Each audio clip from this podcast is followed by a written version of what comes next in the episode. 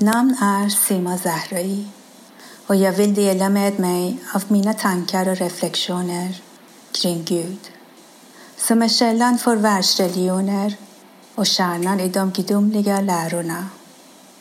I mitt resonemang kommer jag att hänvisa till några citat ur Bahai-tron som grundades av Bahala under 1800-talet. Jag tror dock att citat med liknande andemening finns även i andra världsreligioners skrifter. Bahala bekräftar att orsaken för vår existens är Guds kärlek.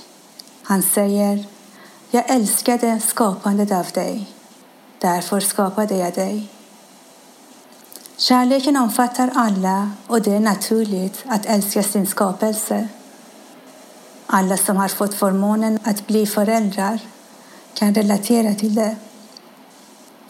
Det vore mycket märkligt om det skulle vara Guds önskan att några utvalda blir föremålet för denna kärlek och andra berövade den.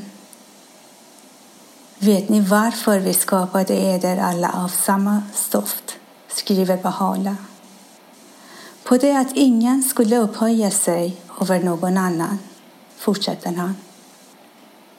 Den logiska konsekvensen av Guds kärlek bör vara önskan att leda oss, att hjälpa oss utveckla våra inneboende förmågor och vägleda oss, men också viljan att bli älskad tillbaka.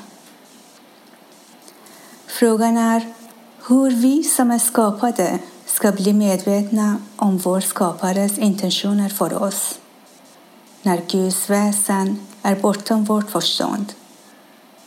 Vem beskriver det på ett språk som vi människor förstår i den tiden vi lever i?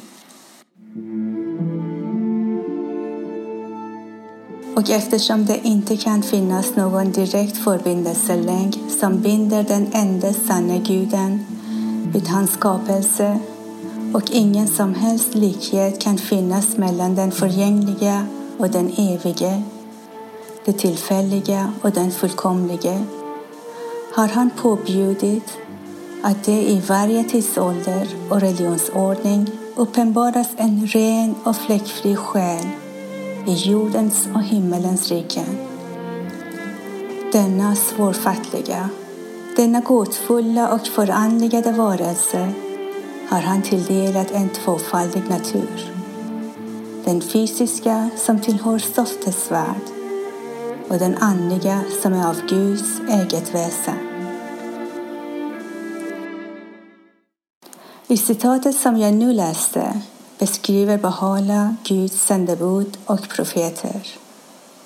De levde bland människorna men var som sanna lärare eller läkare med uppgiften att vårda världen och dess folk. Genom att tillämpa deras läror arbetar vi för en enad mänsklighet och bygger en ny civilisation. Jag avslutar med ytterligare ett citat från Bahala. Alla människor har skapats för att föra vidare en framåtskridande civilisation.